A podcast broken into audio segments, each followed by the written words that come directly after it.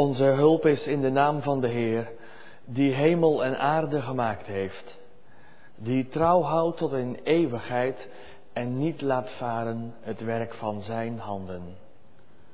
Genade zij ons en vrede van Hem die is en die was en die komt, en van de zeven geesten die voor Zijn troon zijn, en van Jezus Christus die de getrouwe getuige is, de eerstgeborene der doden en de overste van de koningen der aarde. Amen. Op deze zondag, deze zondag die de opstandingsdag ook is van Christus, zingen we dat prachtige gezang 221. Het eerste en tweede vers. Wees gegroet, gij eersteling der dagen.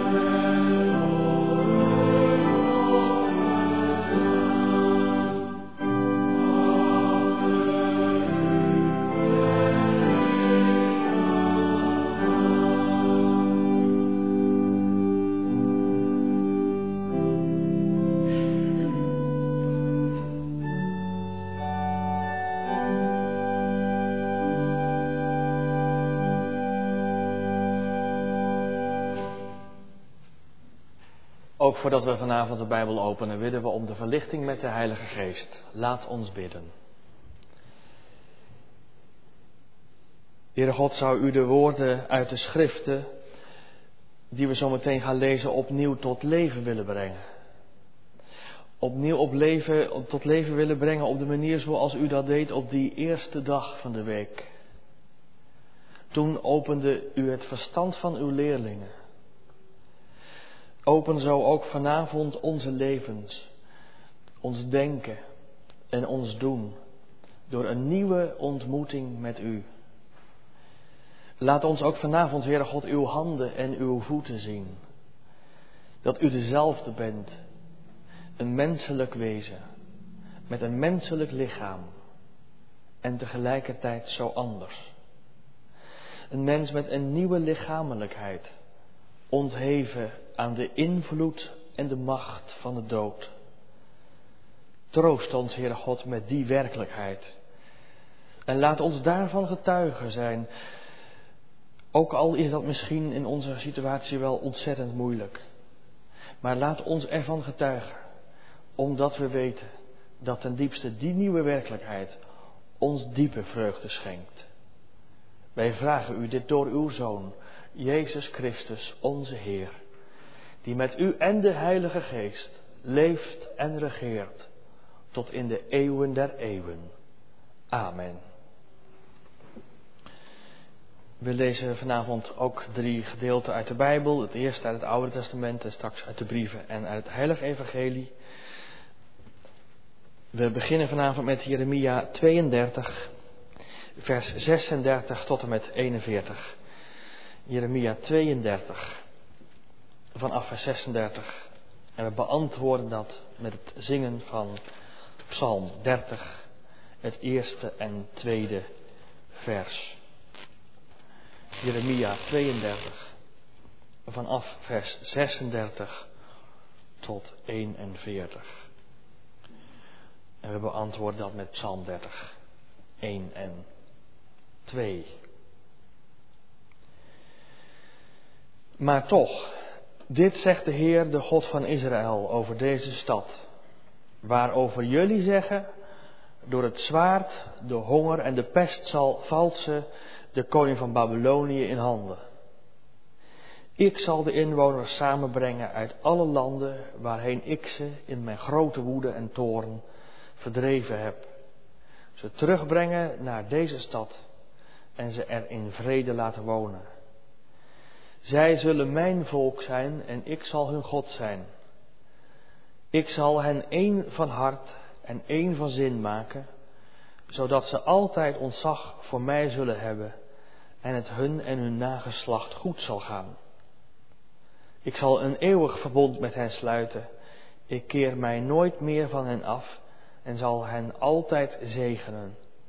Ik zal hen met ontzag voor mij vervullen, zodat zij zich nooit meer van mij zullen afkeren. Ik zal er weer vreugde in vinden hen te zegenen en hen voor goed in dit land te planten. Met hart en ziel zal ik dat doen.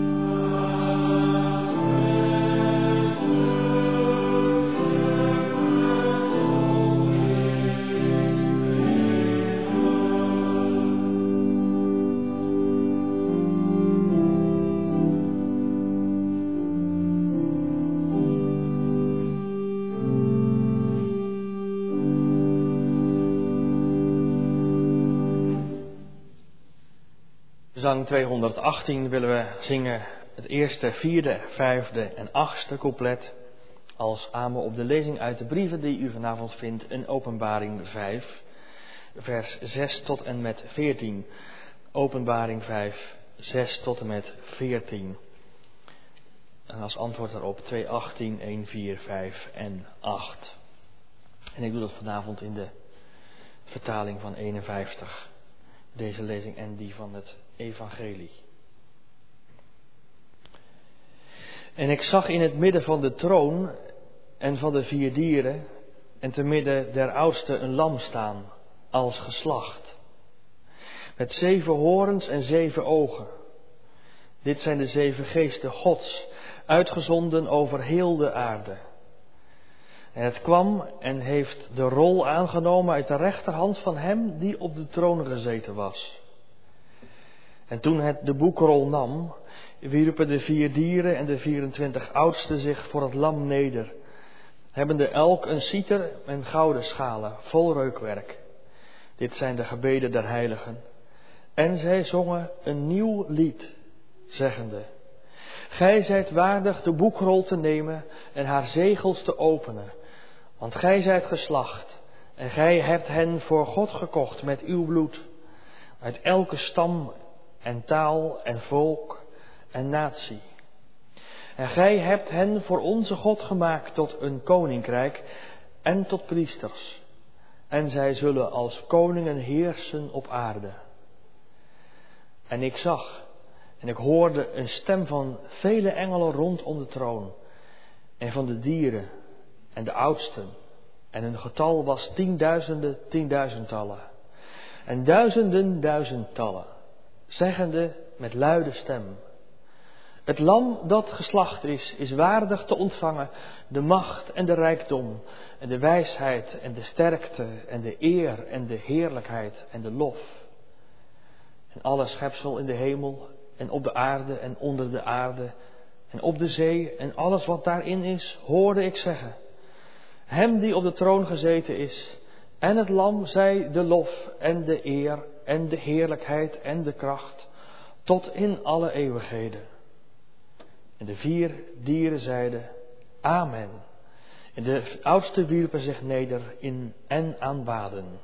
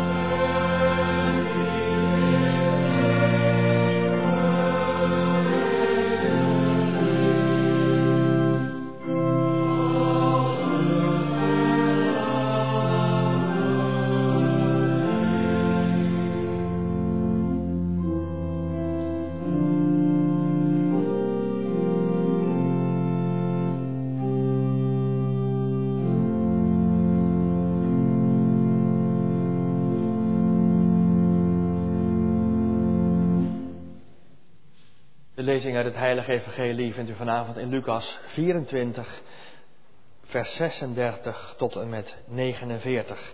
24 tot 49. 24, vers 36 tot 49.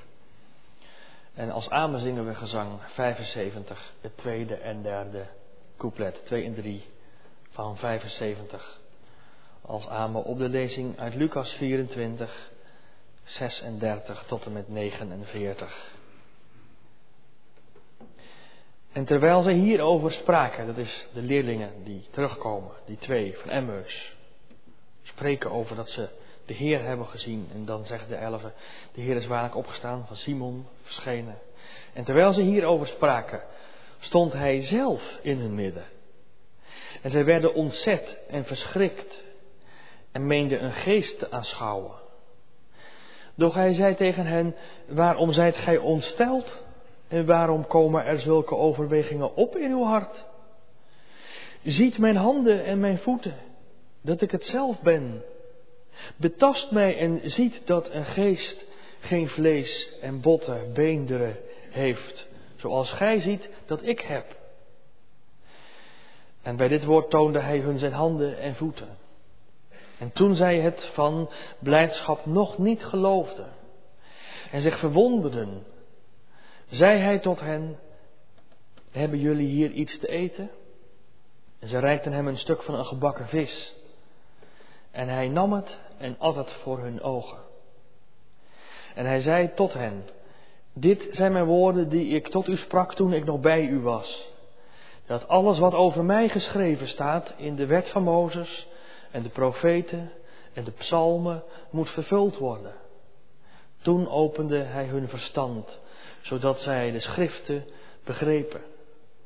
En hij zei tot hen, al dus staat er geschreven dat de Christus moest lijden en ten derde dagen opstaan uit de doden.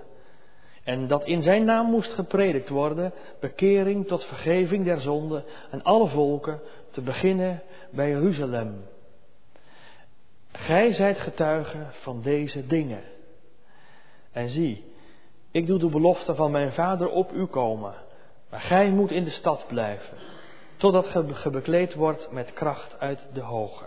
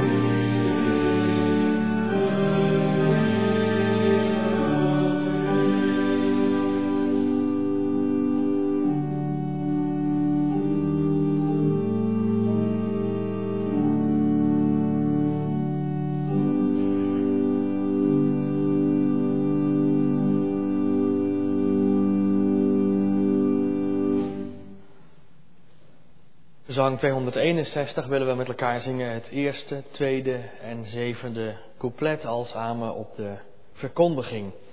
En in de verkondiging wil ik vooral stilstaan bij het 48ste vers. Jullie zijn getuigen van deze dingen. En ook het gedeelte staat vooral vanavond centraal.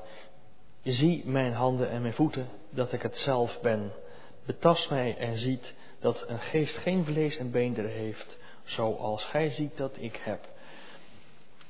Die twee versen vooral staan in de verkondiging vanavond centraal. En we zouden boven de preek kunnen schrijven getuigen gezocht. Getuigen gezocht.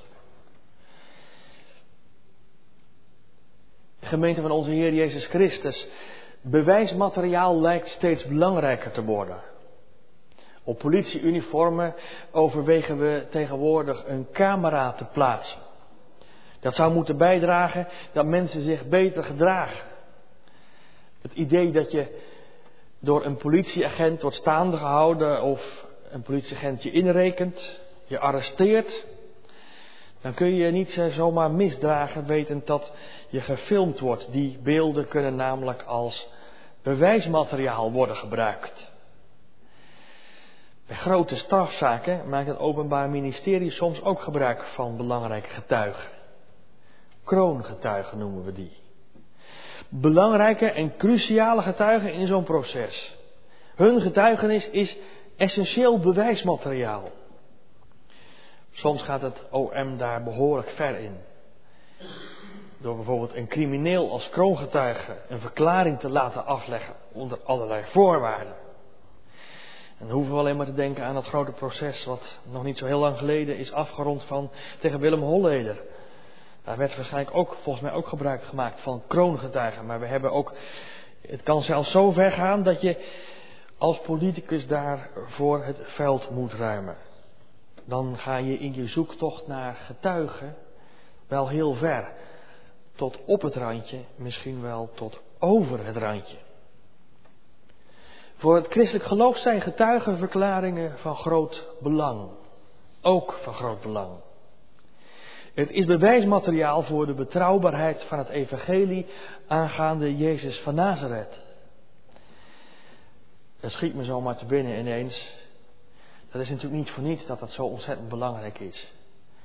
Dat laat maar weer zien dat de Bijbel niet even over één nacht ijs gaat. Dat het niet een bij elkaar verzonnen verhaal is van een aantal enthousiastelingen. Nee, dat ooggetuigen, getuigenverslagen zijn belangrijk. Belangrijk bewijsmateriaal voor de betrouwbaarheid van het evangelie aangaande Jezus van Nazareth. Laten wij ons ook vandaag de dag in de 21ste eeuw ons niet een rad voor ogen draaien. Ook al is die opgave ontzettend moeilijk, ik snap het.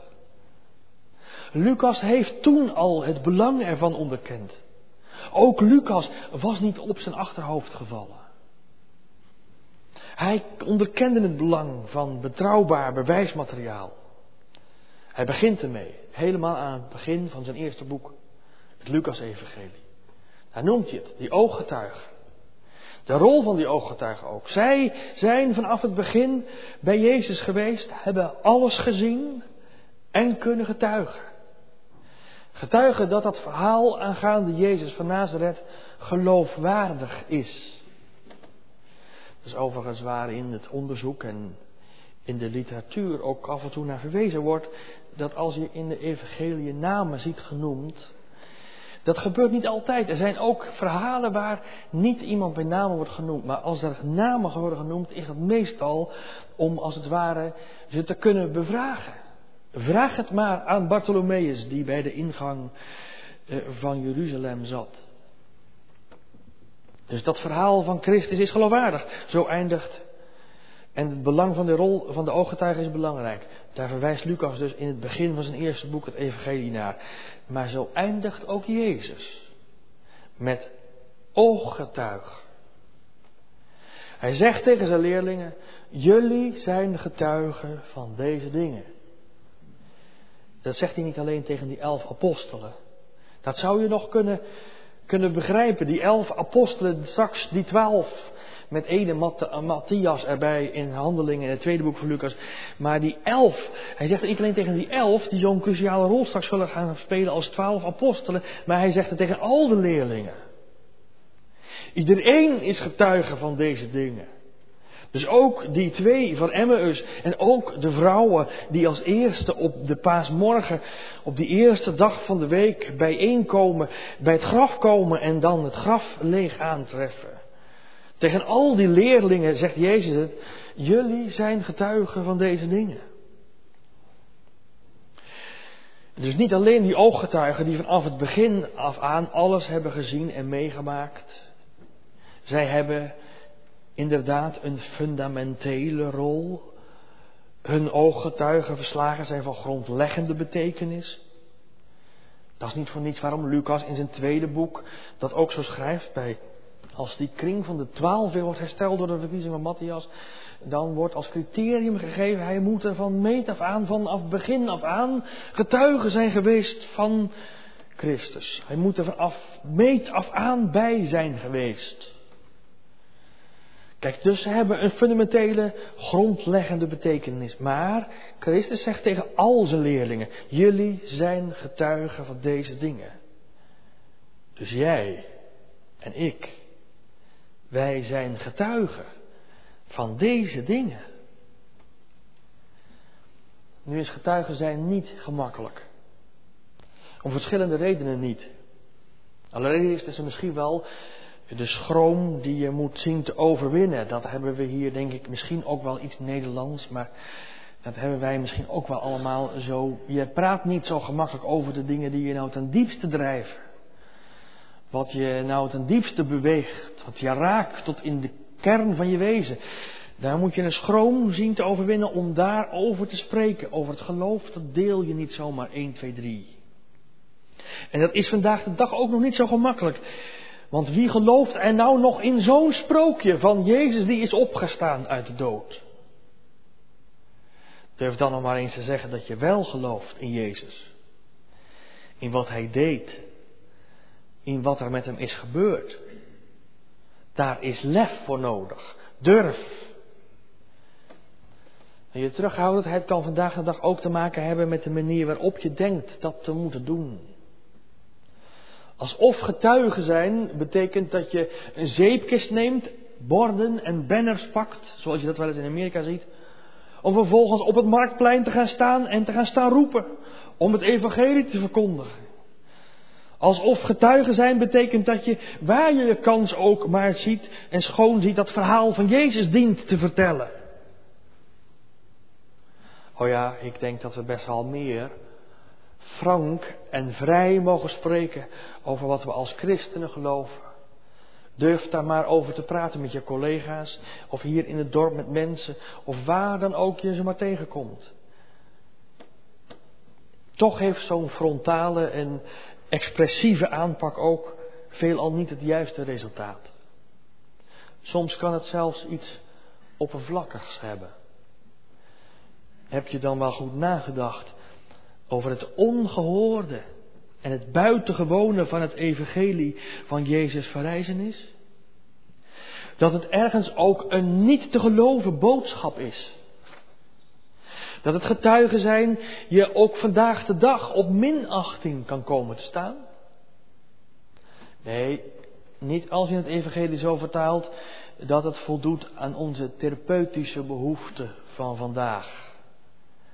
Dat kan nog wel op onze instemming rekenen. Als je het evangelie zo leest en herleest met het oog op de tijd van vandaag, ons, eigenlijk bijna ons paradigma van vandaag. Waar we alles, waar we ook de geschiedenis mee benaderen, dan moet, dus eigenlijk alles wordt langs de meetlat van de relevantie gelegd. Nee, op minachting hoef je niet te berekenen als je het evangelie zo vertaalt dat het voldoet aan onze hedendaagse therapeutische behoeften. Als je het evangelie zo uitlegt als het past binnen de bladen als happiness, bijvoorbeeld. Dan kan je er nog wel wat mee vandaag de dag. Maar anders wordt het wanneer je begint over de werkelijkheid. De lichamelijkheid van de opstanding van Jezus uit de dood. Dat je daar nog in gelooft. Ik denk dat wij ons er niet te veel door van de wijze moeten laten brengen. De kerk niet, van Christus niet, op aarde niet, nu niet. En als individueel gelovige niet, waar je ook bent. Want het is niet vreemd dat mensen er moeite mee hebben zoiets onvoorstelbaars te geloven. En dat we er zelfs tot in de kerk moeite mee hebben, is eveneens niet zo verwonderlijk en uitzonderlijk. Daar hoeven we alleen maar naar Lucas te luisteren. Die elf apostelen hadden er even goed moeite mee. De werkelijkheid ervan en de consequenties ervan, die drong in stappen en in fasen tot hen door. Niet voor niets deden ze het getuigenis in eerste instantie van die vrouwen af als kletspraat, als zotteklap. Want de verrijzenis van Christus is een gebeurtenis waarbij een andere werkelijkheid die van buiten ons bestaan komt, onze werkelijkheid binnentreedt. Dat is van een andere categorie. Een gebeurtenis waarbij ons, een gebeurtenis die ons voorstellingsvermogen te boven en te buiten gaat. Maar stel nu, hè, stel nu dat het waar is. Dat het getuigenis van de leerlingen betrouwbaar bewijsmateriaal blijkt. Dat er eens en voorgoed een gebeurtenis heeft plaatsgevonden in Jeruzalem. Die echt ons voorstellingsvermogen en ons bevattingsvermogen te boven gaat. Dat je wel moet vaststellen wat mijn zintuigen waarnemen. Mijn ogen zien, mijn oren horen, mijn handen voelen. Het is waar. De Heer is werkelijk opgestaan. Die mogelijkheid kun je niet uitsluiten. Reken, reken er altijd mee dat er zich iets aan je kan voordoen dat ongehoord, dat ongedacht en dat onvoorstelbaar is. Dat is het kenmerk van de kerk. Dat is het kenmerk van alle gelovigen.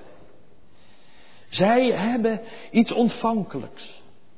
Zij hebben iets opens voor het ongehoorde en voor iets wat buiten hun verwachtingspatroon en buiten hun mogelijkheden en buiten hun denken valt. Zij, de kerk, alle gelovigen hebben iets van Maria. Die ook reageert op die ongehoorde woorden die de engel tot haar spreekt en zegt: Je zal zwanger worden en een zoon baren. Want Maria uiteindelijk antwoordt: Laat gebeuren wat u hebt gezegd. Zie de dienstmaagd van de Heer mij geschieden naar uw woord. Zo is de kerk. Ze is open en ontvankelijk. Ze houdt rekening met de mogelijkheid dat er iets gebeurt wat van buiten komt. Van een andere werkelijkheid. Ontvankelijk en open daarvoor. Ik zou zeggen ook vandaag de dag. Hou je bestaan, hou je leven, je, je, je denken, heel je zijn ervoor open. Lucas heeft namelijk moeten vaststellen dat het waar is. Dat is onmiskenbaar aan zijn getuigenis, het hele eerste boek en zeker aan het verhaal over de verrijzenis. Hij benadrukt het steeds. Jezus is lichamelijk opgestaan. Nadrukkelijk schrijft hij het op. De vrouwen vonden het lichaam van Jezus niet. Dat hield ook die twee van Emmaus. Op de eerste dag van de week bezig. Ze noemen het niet voor niets onderweg. Als die vreemdeling ineens bij hen terzijde komt en met hen oploopt. En pas toen hij het brood brak, toen hij het brood aanreikte, herkenden ze hem. Is altijd weer fascinerend. Dat Christus herkend wordt in de manier waarop hij het brood breekt en dat aanreikt. Dat is waarom eigenlijk avondmaal vieren, de Eucharistie, tot bijna het hart van de christelijke gemeente hoort. Dat is waarom we eigenlijk die Eucharistie elke avond, elke zondag zouden moeten vieren. Dan herkennen we de opgestane. Die ontmoeting met hen, met Christus, die opgestaan, dat deed hun hoop weer ontvlammen. Want daar hadden die twee zo op gehoopt dat Jezus van Nazareth de Messias, de Christus zou zijn. Degene die Israël zou gaan verlossen. En de volken met, van deze wereld met hen. Dat nu eindelijk die nieuwe aion, die nieuwe, dat nieuwe tijdperk zou aanbreken. Een tijdperk van verlossing en van bevrijding en van redding. Van zonde, van duisternis, van overheersing door de Romeinen en van de dood. Ten slotte verschijnt Jezus zelf te midden van zijn leerlingen. En dat roept een hevige emotie bij hen op. Een emotie die raakt aan hun diepste verlangen. En waar heel hun bestaan op hoopt en naar verlangt. Kun je je voorstellen? Want daar duiden die woorden op die Lucas hier gebruikt in het evangelie. Het is niet alleen verbijstering en angst. Dat ook wel, maar die ontmoeting met, die, met Jezus die in hun midden komt, dat raakt aan hun verlangen. Aan de hoop die zo onder die recente gebeurtenissen had geleden. Aan het kruis en aan het begraven worden van Christus. Aan het kruis en aan de tuin. Met alle twijfels en alle vragen die daarmee gepaard gingen. Voor even scheen hun hoop te vergeefs. Maar dat verlangen dat zat nog, aan de, dat zat nog onder de oppervlakte. En als je dan Jezus ontmoet, dan gaat er heel wat door je heen. Dat kan niet anders. Zou het dan toch waar zijn? Nee, dat kan toch niet. Ik hou me voor de gek. We moeten het anders interpreteren. Het is een geestverschijning. Maar het is geen geestverschijning. Jezus is niet alleen geestelijk opgestaan. Ook zijn lichaam is verrezen. Om hen daarvan te overtuigen, laat hij zijn handen en zijn voeten zien, de tekenen van zijn lijden. En als ze het dan van vreugde nog niet kunnen geloven, dan vraagt hij om iets eetbaars. En dat eet hij voor hun ogen. Lucas wil er eigenlijk, daar komt het op neer, Lucas wil er alles aan doen om ons te laten inzien dat Jezus lichamelijk is opgestaan. Hij was niet alleen mens toen hij nog leefde en toen hij onder hen rondtrok, maar ook na zijn opstanding is hij werkelijk mens. Alleen is er een nieuwe dimensie bijgekomen. Jezus leeft na zijn verrijzenis in de dimensie van de levende God. Is niet naar die empirische, naar de empirische werkelijkheid. De werkelijkheid die we kunnen onderzoeken met de wetenschap. Met onze methodes, met onze zintuigen kunnen vatten. Naar dat empirische bestaan wat wij kunnen tasten. Daar is hij niet teruggekeerd. Daar hoort hij niet meer bij. Nu leeft hij in gemeenschap met God. Ontheven aan de macht en de invloed van de dood en van de duisternis en van de teloorgang van dit leven en van alles wat ons menselijk bestaan vernietigen en bedreigen kan.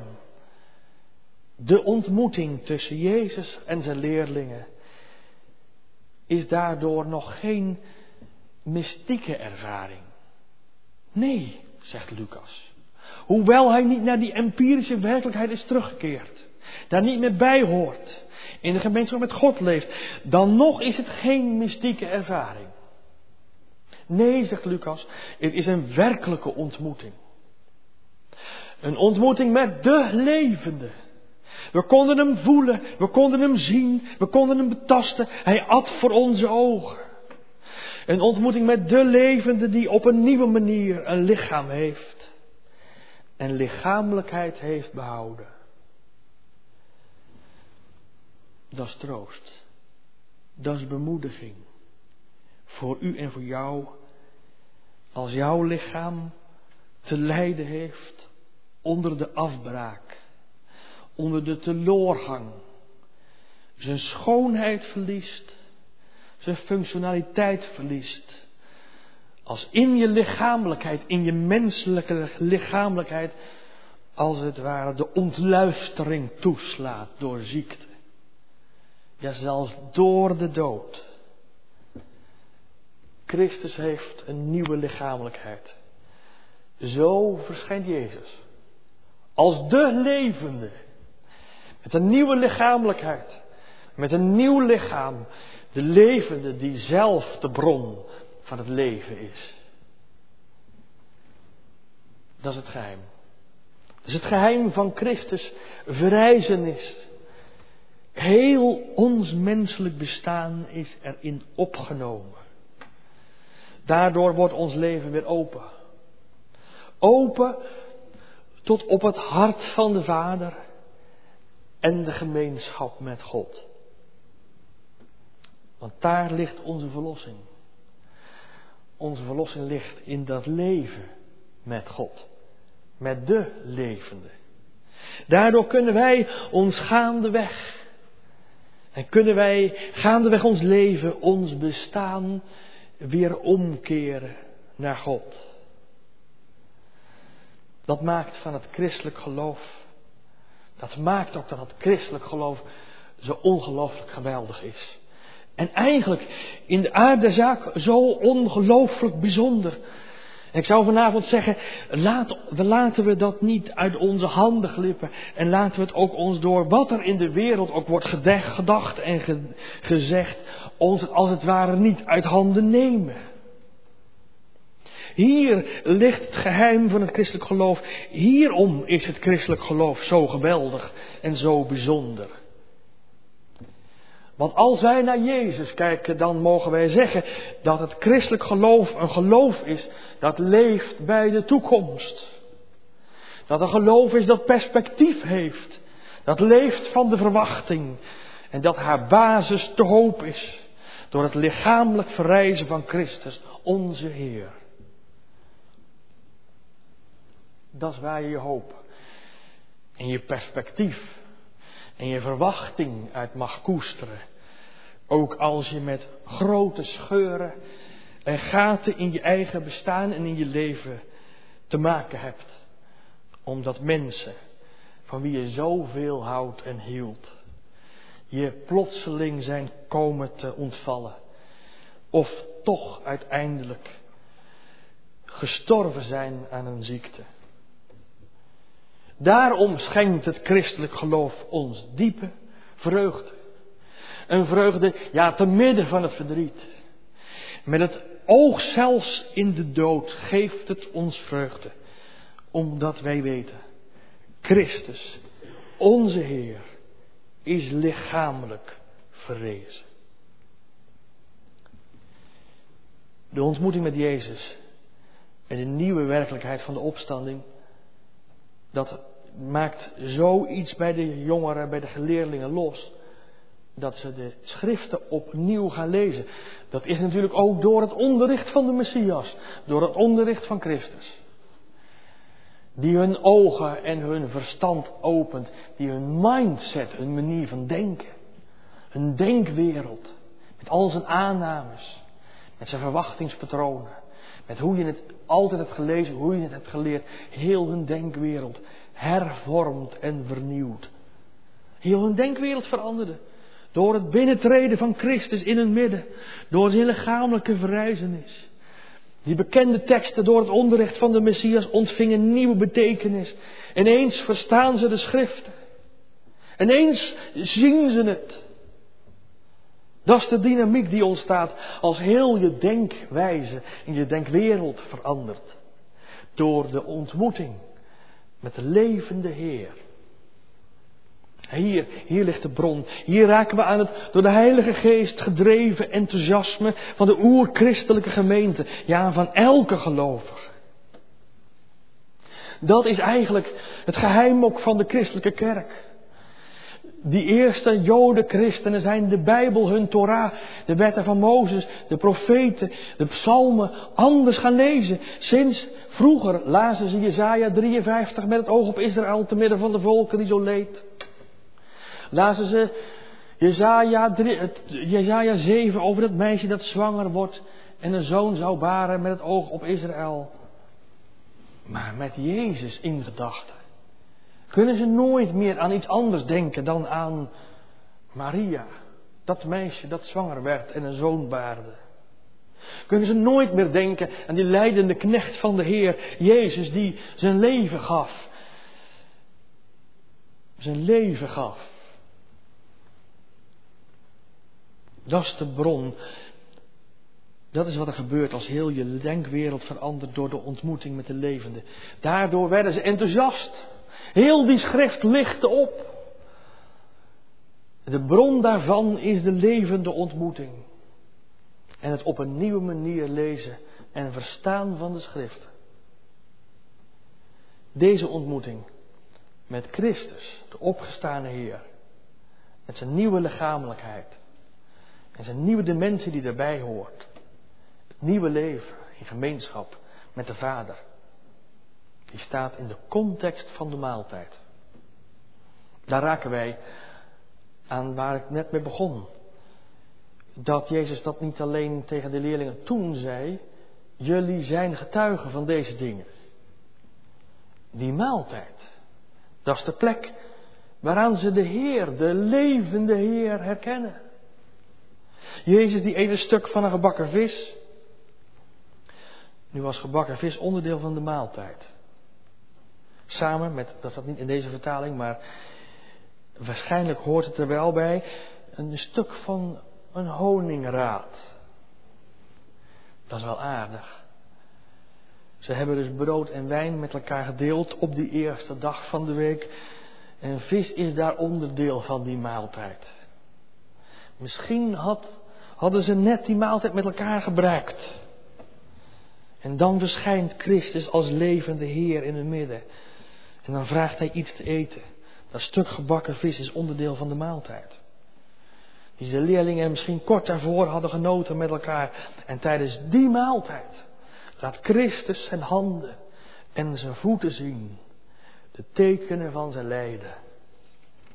En werd die nieuwe werkelijkheid onder hen tegenwoordig en voelbaar. Die ontmoeting, die werd de bron van hun enthousiasme en getuigenis. En zo verschijnt Jezus ook vandaag nog steeds aan ons. Is Hij onder ons tegenwoordig, ook al kunnen wij Hem nu niet meer voelen. We kunnen Hem nog wel zien en ervaren in het breken van het brood, in het delen van de wijn, we kunnen hem ontmoeten ook in de verkondiging van het woord. Als we die schriften met nieuwe ogen lezen. Als het ware, als die woorden opnieuw tot leven worden gewekt in de zondagse verkondiging. Dan is er weer, is er weer die ontmoeting met de levende, de opgestane, die zelf de bron van het leven is. En dan mag je er ook op hopen. Ervan uitgaan. Erop vertrouwen dat wij Hem zullen volgen in die nieuwe lichamelijkheid, in die nieuwe dimensie, ontheven aan de macht van de dood en van het verderf. Daar ligt de bron waarin ons menselijk bestaan, dat van u en van jou en van mij, zijn vreugde vindt. Dat is ons enthousiasme. Ik zou zeggen, laten we daar in alle royaliteit van delen met alle en iedereen die op onze weg komt. Want daar in de ontmoeting met de levende, dat is het geheim waarom we vanavond hier bij elkaar zijn, wordt onze geschonden hoop hersteld. Ons diepste verlangen gesteeld. Daarom schreef ik boven de preek getuigen gezocht. Durf jij het aan? Durf jij het aan getuige te zijn van deze dingen? Van het geheim van Jezus tegenwoordigheid op het moment dat Hij ons in de verkondiging van het sacrament zijn handen en zijn voeten laat zien. Met ons eet. En met ons in gemeenschap treedt. Ons verbindt met de levende God. Durf jij het aan daarvan getuige te zijn? Getuige van het vreugdevolle geheim van dat nieuwe leven met Christus. Nee, niet op een frontale manier door overal maar te pas en te onpas waar je maar kunt dat evangelie eh, in woordelijk te delen. Maar veel meer door een vrolijk En een vreugdevol leven, te midden van alles wat je meemaakt. Een vreugdevol leven. Als een soort basale levenshouding. Omdat je weet, wij zijn mensen van de toekomst. En niet van het verleden. Wij zijn mensen van het perspectief. Als een soort basale levenshouding. Als een gemeenschap die zijn vreugde vindt in de ontmoeting met de Heer. Met de levende Heer. Een ontmoeting die heel ons doen en laten doortrekt. Waardoor we, zonder dat we misschien woorden gebruiken, als vanzelf getuigen van de tegenwoordigheid van Jezus. In de schriften. In de zondagse vieringen. In de maaltijd van de Heer. In onze gebeden thuis. In ons Bijbellezen. Ik zou zeggen, begin er maar mee. Durf het aan. Overwin je schroom. Want Christus woorden bergen ook een belofte in zich. Je zou ze ook zo kunnen vertalen. Jullie zullen getuigen zijn van deze dingen. Amen.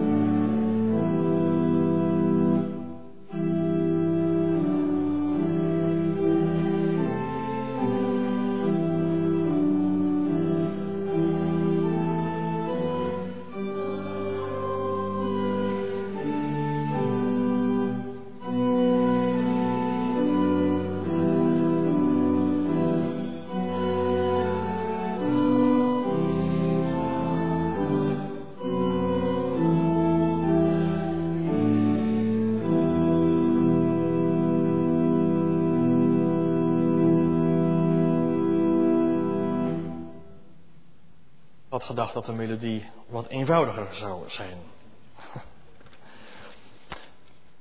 Ook vanavond willen we ons geloof beleiden, aansluiten bij hen die ons in het geloof zijn voorgegaan, aansluiten in de lange rij van gelovigen voor ons. En we doen dat vanavond met de geloofsbeleidenis van Nicea, Constantinopel. En we beantwoorden dat met Psalm 100, het tweede en vierde vers.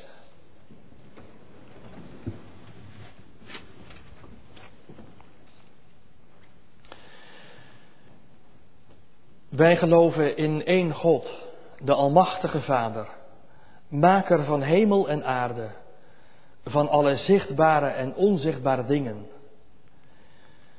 En in één Heer Jezus Christus, de enige geboren Zoon van God uit de Vader geboren voor alle eeuwen, licht uit licht, waarachter God uit waarachter God, geboren, niet gemaakt, één van wezen met de Vader, door wie alle dingen geworden zijn, die om ons mensen en om ons behoud is neergedaald uit de hemelen. En is vlees geworden uit de Heilige Geest en de Maagd Maria. En is mens geworden die voor ons ook is gekruisigd onder Pontius Pilatus, geleden heeft en begraven is, en op de derde dag is opgestaan naar de schriften, is opgevaren naar de hemelen en zit aan de rechterhand van de Vader, en die zal wederkomen in heerlijkheid om te oordelen levenden en doden. En zijn rijk zal geen einde hebben en in de Heilige Geest, die Heer is en levend maakt, die voortkomt uit de Vader, die samen met de Vader en de Zoon aanbeden en verheerlijkt wordt, die gesproken heeft door de profeten en in één heilige, katholieke en apostolische kerk. Wij beleiden één doop tot vergeving van zonden. Wij verwachten de opstanding der doden en het leven in de wereld die komt.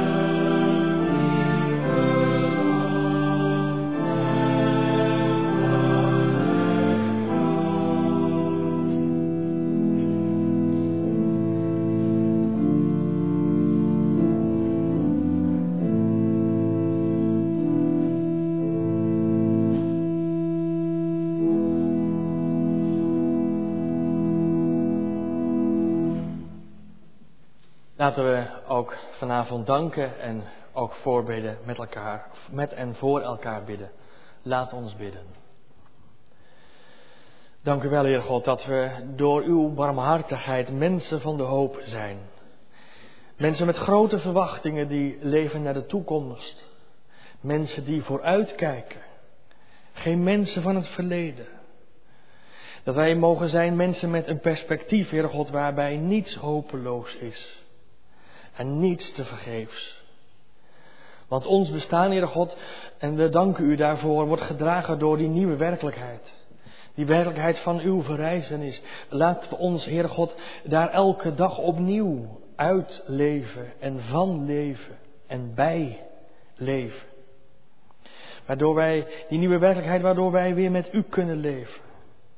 En wij bidden u, maak ons tot vreugdevolle en enthousiaste getuigen.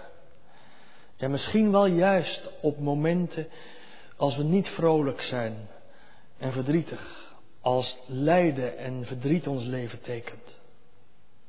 Daarom bidden wij u ook vanavond voor elkaar, voor deze gemeente. Heer God, waarin de, in de achterliggende weken en maanden ook zulke grote gaten gevallen zijn. Sporen van verdriet getrokken zijn en worden. Dan denken we in het bijzonder aan de familie Bogert. We denken ook aan de familie Bolle. Wilt u met hen zijn en alle die hen kennen en lief zijn om hen heen staan en die ook vandaag de dag en elke dag opnieuw die lege plek voelen. Heere God, wij kunnen hen niet bereiken. Wij kunnen hen niet troosten.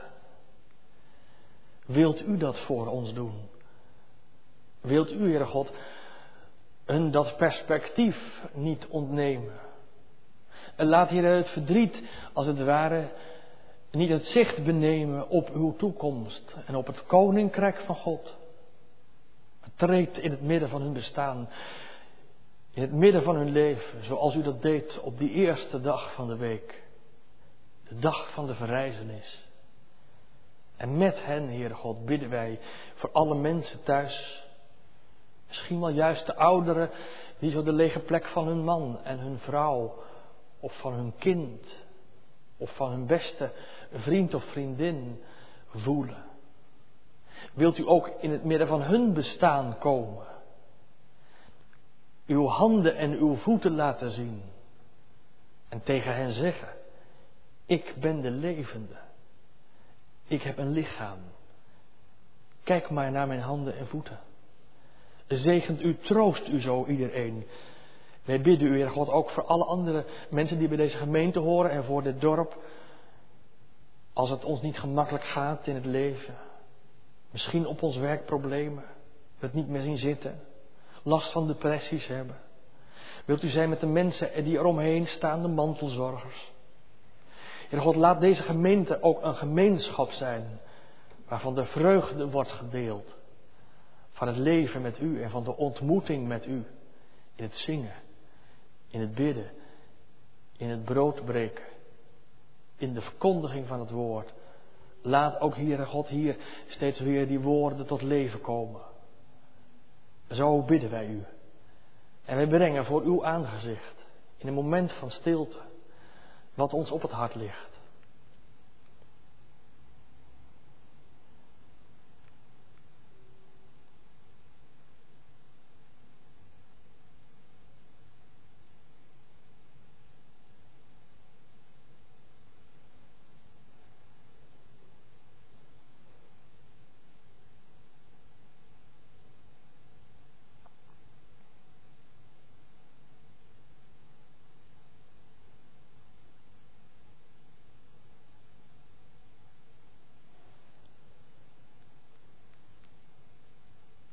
Sluiten al onze gebeden vandaag met het ene gebed dat Christus ons heeft geleerd.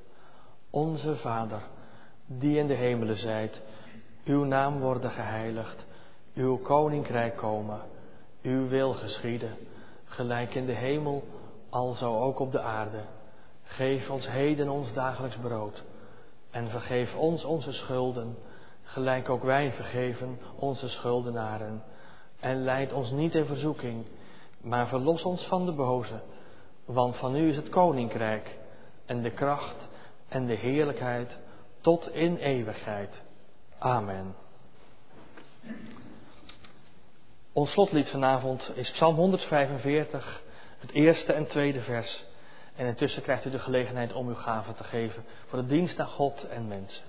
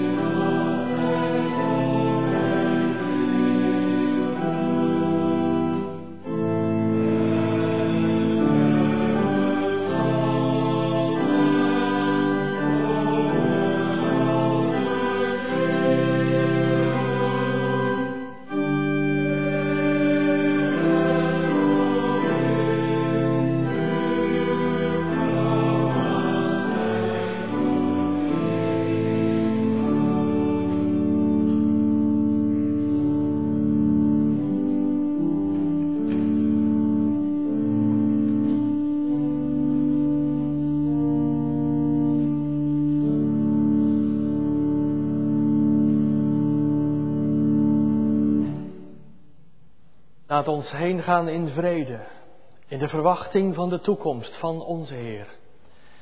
De genade van onze Heer Jezus Christus en de liefde van God en de gemeenschap van de Heilige Geest zijn met ons allen. Amen. Amen. Amen.